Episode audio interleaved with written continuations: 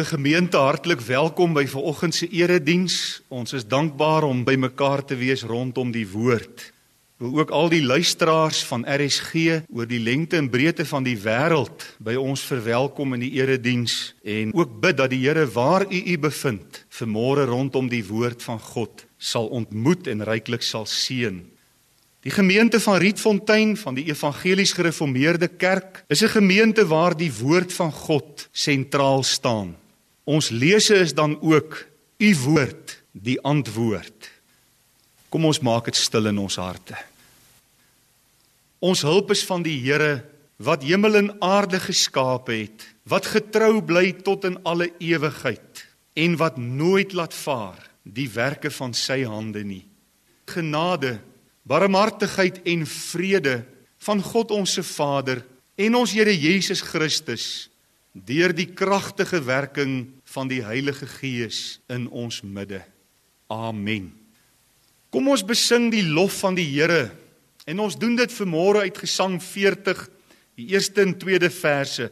Dan sê ons vir die Here: U goedheid, Here, kan ons nie pyl nie.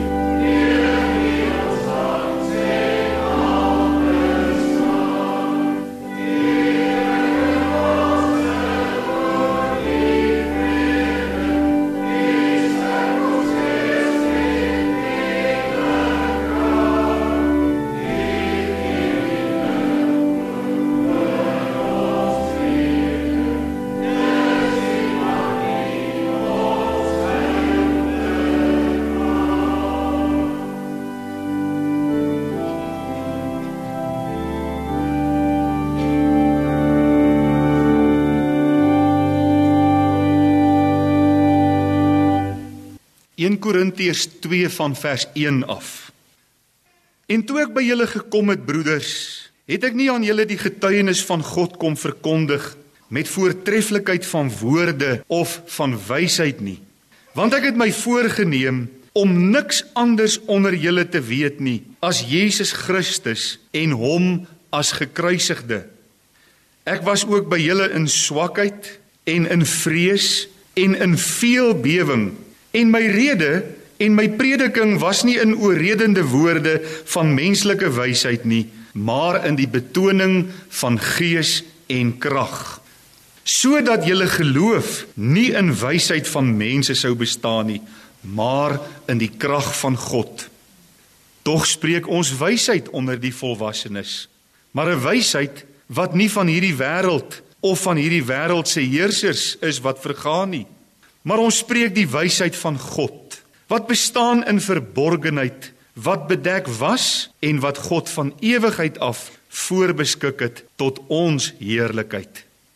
Wat niemand van die heersers van hierdie wêreld geken het nie, want as hulle dit geken het, sou hulle die Here van die heerlikheid nie gekruisig het nie. Maar soos geskrywe is, wat die oog nie gesien en die oor nie gehoor en in die hart van die mens nie opgekom het nie. Wat God berei het vir die wat hom liefhet. Maar God het dit aan ons deur sy Gees geopenbaar, want die Gees ondersoek alle dinge, ook die dieptes van God. Want wie van die mense weet wat in 'n mens is, behalwe die gees van die mens wat in hom is. So weet ook niemand wat in God is nie, behalwe die gees van God.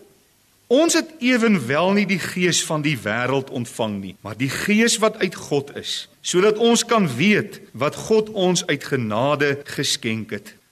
Daarvan spreek ons ook, nie met woorde wat die menslike wysheid leer nie, maar met die wat die Heilige Gees leer, sodat ons geestelike dinge met geestelike kan vergelyk. Maar die natuurlike mens neem die dinge van die Gees van God nie aan nie, want dit is vir hom dwaasheid en hy kan dit nie verstaan nie omdat dit geestelik beoordeel word. Maar die geestelike mens beoordeel wel alle dinge. Self egter word hy deur niemand beoordeel nie. Want wie het die sin van die Here geken dat hy hom sou kan onderrig? Maar ons het die sin van Christus. Ons bid saam. Ons driemaal heilige God, U wat U self aan ons openbaar as die Vader, die Seun en die Heilige Gees. Aan U in hierdie oggend al ons lof, al ons dank, al die aanbidding van ons harte. U is wonderlik. Here, ons het regtig nie woorde om u grootheid en u heiligheid en u majesteit te kan besing soos dit moet gebeur nie. Maar ons wil baie dankie sê dat ons as gemeente in hierdie oggend so bevoorreg kan wees dat ons saam kan bymekaar kom. Dat ons gevoed kan word met die wysheid van God. Here, ons wil vra dat u vanmôre ons saam wees rondom u woord ryklik sal seën.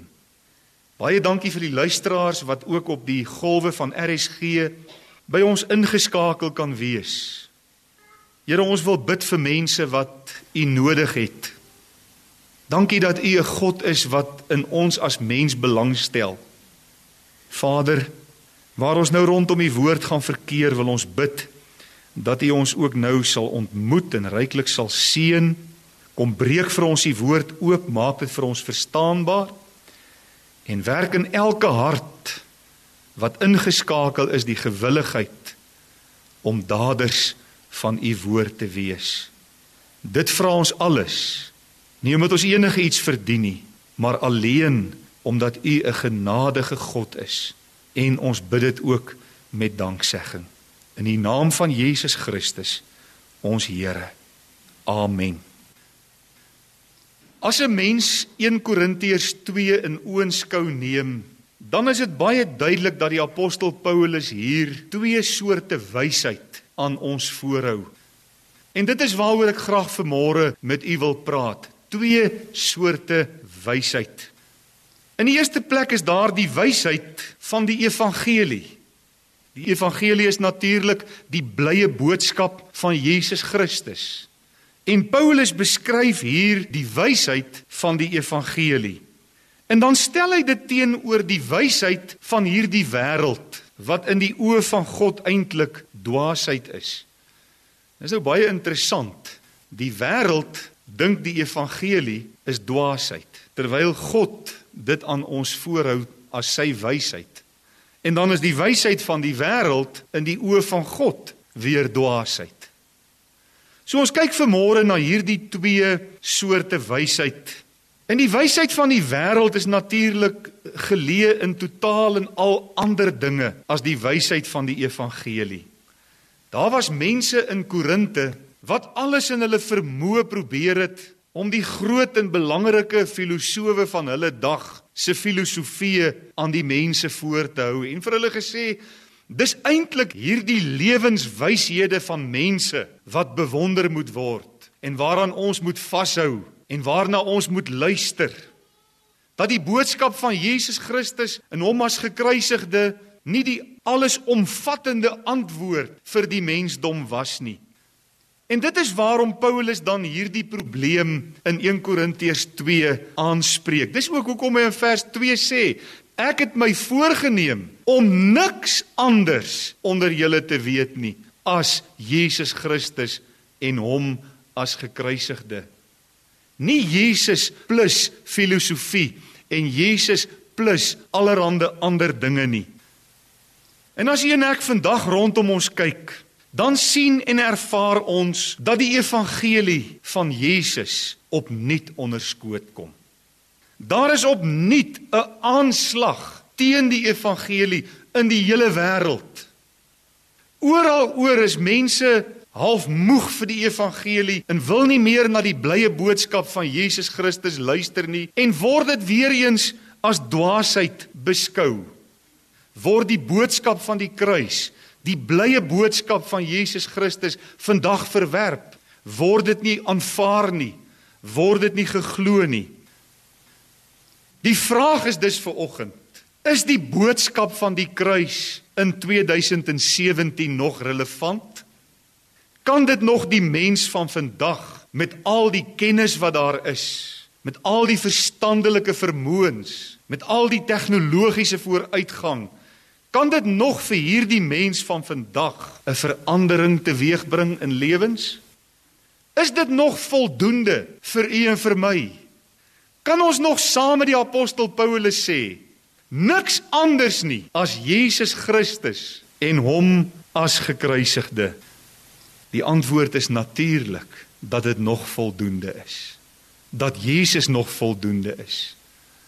Hoe meer ons kennis vermeerder, hoe beter ons tegnologie raak, hoe verder ons met ons menslike verstand vorder, hoe groter raak die chaos waarin ons ons daagliks dompel. En dan kom jy tot die slotsom. Jesus Christus is die antwoord. Hy is die enigste een wat rus in 'n mens se gemoed kan bring. Hy is die enigste een wat jou die sekerheid kan gee as jy die dag jou kop neerlê en jy sterf dat jy jou oë in die hemel sal oopmaak dat jy die ewigheid soos hy beloof het saam met hom kan deurbring. En ons wil dan graag vanmôre hierdie twee wyshede vanuit die woord bestudeer soos wat Paulus dit aan ons voorhou. Die eerste wat ons sien wat die apostel Paulus bespreek is hy sê daar is twee geeste aan die werk. En dis alles deel van hierdie twee wyshede. Die een is die gees van hierdie wêreld En ons vind dit in vers 12. Ons praat van kinders van die Here, mense wat Jesus Christus ontvang het in ons lewens, wat deur hom weergebore is. Ons het ewenwel nie die gees van die wêreld ontvang nie. Niemand kan ontken dat daar in hierdie wêreld deur die eeue 'n baie sterk gees aan die werk is. 'n Gees wat mense soos 'n stroom water meesleer. 'n Gees wat die hele wêreld beïnvloed. Die denke van die mensdom beïnvloed. As daar nie so 'n gees was nie, dan sou die tendense in die wêreld nie so sterk gewees het nie. Wat veroorsaak dat samelewings oor die hele wêreld heen skielik sekere tendense begin najag? Wat veroorsaak dat die hele wêreld skielik op 'n sekere manier begin dink en begin doen. Is ongetwyfeld die gees van hierdie wêreld. U moet luister wat skryf die apostel Paulus in Efesiërs 2 vers 1 en 2. Hy begin sy argument en hy sê en julle het hy lewend gemaak wat dood was deur die misdade en die sondes waarin julle tevore gewandel het volgens die loop van hierdie wêreld. Dis die gees van die wêreld wat aan die werk is. Volgens die owerste van die mag van die lig. En hierin sien ons dat dit die duiwel self is wat die gees van die wêreld bedryf en wat uh, bepaal waarheen gaan dit en waarheen is hy met die mensdom op pad van die gees wat nou in die kinders van die ongehoorsaamheid werk. Ja, die gees van die wêreld het sy oorsprong by Satan self. Maar dan kom die apostel Paulus en hy hou die gees van God aan ons voor. Dis die ander alternatief in die wêreld. Die gees van God. Ons lees ook in vers 12 waar hy nou gesê het ons het ewenwel nie die gees van die wêreld ontvang nie, maar die gees wat uit God is. En wat is die groot verskil tussen die gees van die wêreld en die gees van God. Die gees van die wêreld is bloot net 'n invloed. Die gees van God aan die ander kant is 'n persoon. Die derde persoon in die goddelike drie-eenheid. Dis God, die Heilige Gees. En hy praat persoonlik met 'n mens. Hy spreek met jou in jou hart. Hy oortuig jou, hy trek jou, hy roep jou, hy pleit by jou. Hy sê kom na my toe as jy lewe wil hê. Kom na Christus toe wat sy lewe aan die kruis vir jou gegee het. Ja, die Heilige Gees is nie maar net 'n invloed nie. En hy het ook nie die massa media nodig nie. Hy gebruik die woord van God. Oral waar die woord uitgaan, werk die Heilige Gees praat die Heilige Gees met mense in hulle harte. Oortuig hy mense van hulle sonde, van geregtigheid en van oordeel. En roep hy sondaars tot bekering. Sê hy kom, wend jou tot die Here. Neem Christus aan as jou persoonlike verlosser en saligmaker dat jou hele lewe verander kan word. Dat jy die ewige lewe kan ontvang. Kyk weer saam met my na vers 9 en 10. Maar sê Paulus, soos geskrywe is, hy verwys na Jesaja 64 vers 4, wat die oog nie gesien en die oor nie gehoor en in die hart van 'n mens nie opgekom het nie, wat God berei het vir die wat hom liefhet. In vers 10 sê en dit het hy deur sy gees aan ons geopenbaar want die gees ondersoek alle dinge ook die dieptes van God. Die Heilige Gees ondersoek die dieptes van God se woord en hy maak dit aan 'n mens duidelik en hy maak dit verstaanbaar en hy oortuig mense in jou hart dat dit die waarheid is. En as 'n mens deur die werking van die Heilige Gees met Christus versoen word of met God versoen word deur Christus, dan breek alles vir jou oop en dan maak alles vir jou sin en jou hele lewe verander al die wonderlike dinge wat God in Christus vir sy kinders voorberei het. Al die geestelike seënings wat ons in Christus het, wat so ryk en so milddadig is, maak die Heilige Gees aan ons deur die woord van God bekend. Ons is nie vermore in die duister nie. Ons is nie vermore soos blinde mense wat rondtas en wat nie weet waarheen nie. God openbaar homself en hy openbaar sy wil en hy openbaar die wonderlike evangelie van Jesus Christus aan ons deur die werking van die Heilige Gees. Vers 13 sê Paulus: "Daarvan spreek ons ook, nie met woorde van menslike wysheid nie, maar met die woorde wat die Heilige Gees leer, sodat ons geestelike met geestelike dinge kan vergelyk." As ons kyk na hierdie twee soorte wysheid, dan behandel Paulus in die tweede plek twee groepe mense. En dis waarby ons dan vervolgens stil staan. In die eerste groep mense in die wêreld is die natuurlike mens. U sal sien in vers 14 sê hy: "Maar die natuurlike mens neem die dinge van die gees van God nie aan nie, want dit is vir hom dwaasheid." Iemand in wie die gees van God nie woon nie. Iemand wie se geestelike ore toe is vir die influistering van die Heilige Gees. Kyk na die evangelie en sê dit is dwaasheid. Ek kan my nie daarmee vereensgewig nie. Ek kan nie daarmee saamgaan nie. En dis nie moeilik om te weet wie die natuurlike mens is van wie die apostel Paulus hier praat nie. Dis eenvoudig 'n mens en mense wat nog nie uit genade gered is nie wat nog nie deur die instaatstelling van die Heilige Gees waaragtig tot bekering gekom het nie. Dis die mens wat nog sonder Christus lewe. Dis die mens wat aan die wêreld behoort en in die wêreld gelukkig is. Die mens wat na die Bybel kyk en sê dis vir my absolute dwaasheid. Ek verstaan niks daarvan nie. Niks daarvan maak vir my sin nie. Ons moet natuurlik nooit die fout maak om te dink dat natuurlike mense, die wat Paulus hiervan praat, nie kerkmense is nie. Kerke sit vol. van natuurlike mense. Mense wat nog nie met God versoen is deur die kruis van Jesus nie. Wat nog nie waaragtig tot bekering gekom het, wat nog nie weergebore is deur die werking van die Heilige Gees nie. En weet jy die duiwel gee nie om dat 'n mens in 'n kerk sit nie.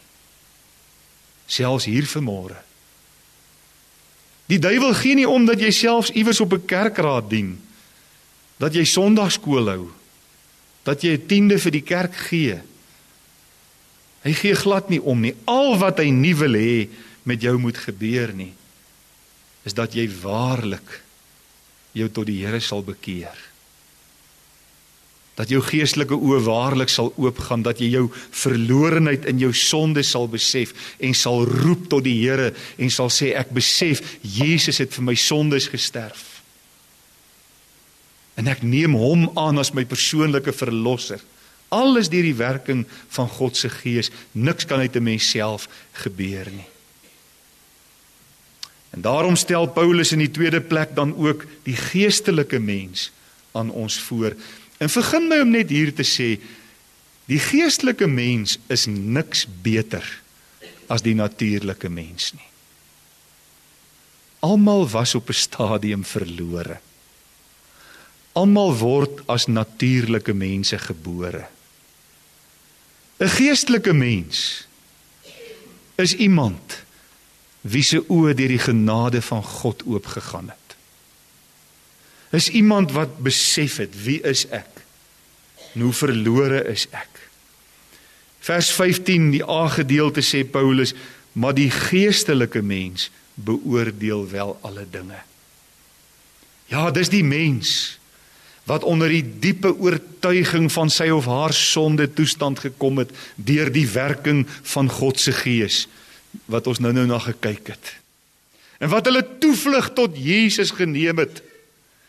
Wat gesê het ek wil by die kruis kom kniel dat ek daar van my sonde verlos kan word. Dat ek daar vrygespreek kan word deur God. Dat ek daar die ewige lewe kan ontvang. Dis die mens wat gebore is uit die gees van God en vir wie die Bybel 'n lewende werklikheid geword het. 'n Lewende boek. God se woord waar ek sy stem hoor wat met my praat. Wat diep in die waarhede van God insien en dit verstaan en dit bewonder en sê is die woord van God nie wonderlik en heerlik nie. En dit bring my in die laaste plek by die boodskap van Paulus. In vers 2 sê hy Ek het my voorgenem om niks anders onder julle te weet nie as Jesus Christus en hom as gekruisigde. As 'n mens in die Grieks kyk na hierdie woordjie gekruisigde, dan is die tydvorm waarin dit staan baie insiggewend. Dis 'n verlede tydsvorm. Dit is 'n afgehandelde daad. Een ek weet, Christus is 2000 jaar gelede gekruisig. Dis afgehandel, dis kant en klaar. Maar die tydvorm waarin Paulus dit skryf, sê ook vir u en vir my dat hierdie afgehandelde daad in die verlede het 'n effek vandag. Dit het 'n uitwerking in die hede. Dis die perfekte tydvorm. 'n Uitwerking vandag. As dit dood eenvoudig maar net 'n historiese feit was dat Jesus aan 'n kruis gesterf het, dan sou dit vandag niks vir u en vir my beteken het nie. Maar sy kruis het 'n uitwerking tot hier waar u en ek vanmôre sit. Tot daar waar u op die internet of die radio op die senders van RSG ingeskakel is. Daar kan die kruis van Jesus 'n magtige effek en 'n uitwerking in u lewe hê. Dit kan u lewe verander vir die ewigheid ten goeie. Die kruis van Jesus kan u met God versoen. Die kruis van Jesus kan alleen vir u die ewige lewe gee. Al lyk dit vir mense hoe dwaas. En dis my bemoedigend om te weet dat mense in Paulus se tyd dit al as dwaasheid gesien het. Dis nie iets nuuts nie, dis nie iets vreemds dat die kruis van Jesus vandag dwaasheid vir baie mense is nie. Maar o as God deur sy gees in 'n hart werk en 'n mens kom agter wat is die krag van die kruis.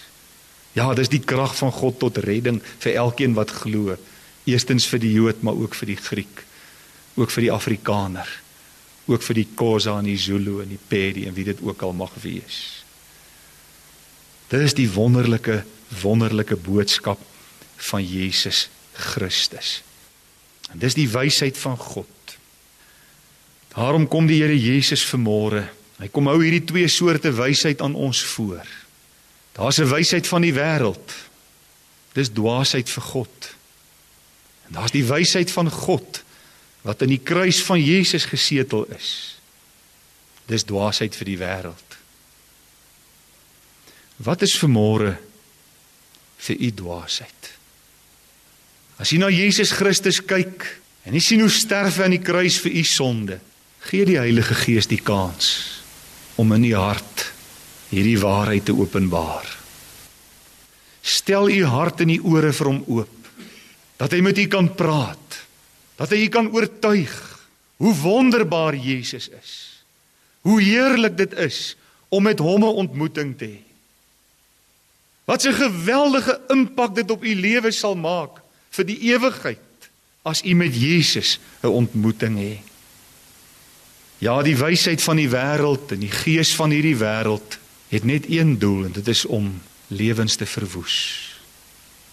Die wysheid van hierdie wêreld hou genietinge aan mense voor. Die wysheid van hierdie wêreld sê geniet net jou lewe.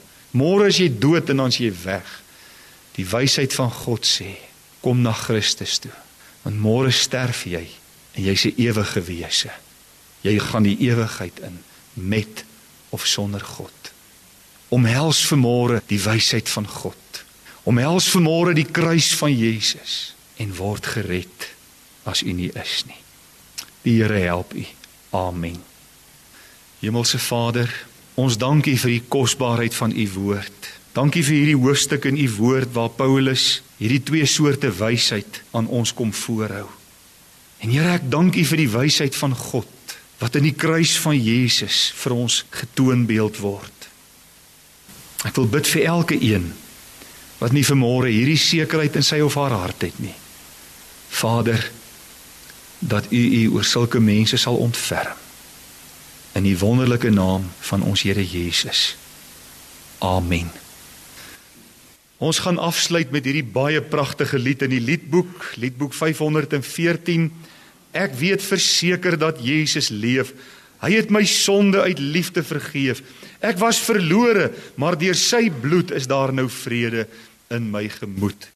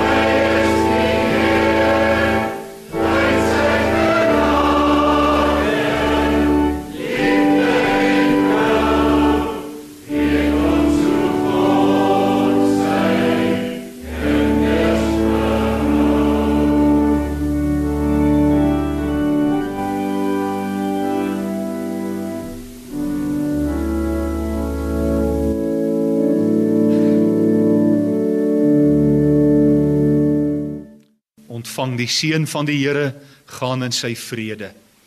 Die genade van ons dierbare Here Jesus Christus, die liefde van God, ons hemelse Vader, ja die gemeenskap van die Heilige Gees wees en bly met elke een.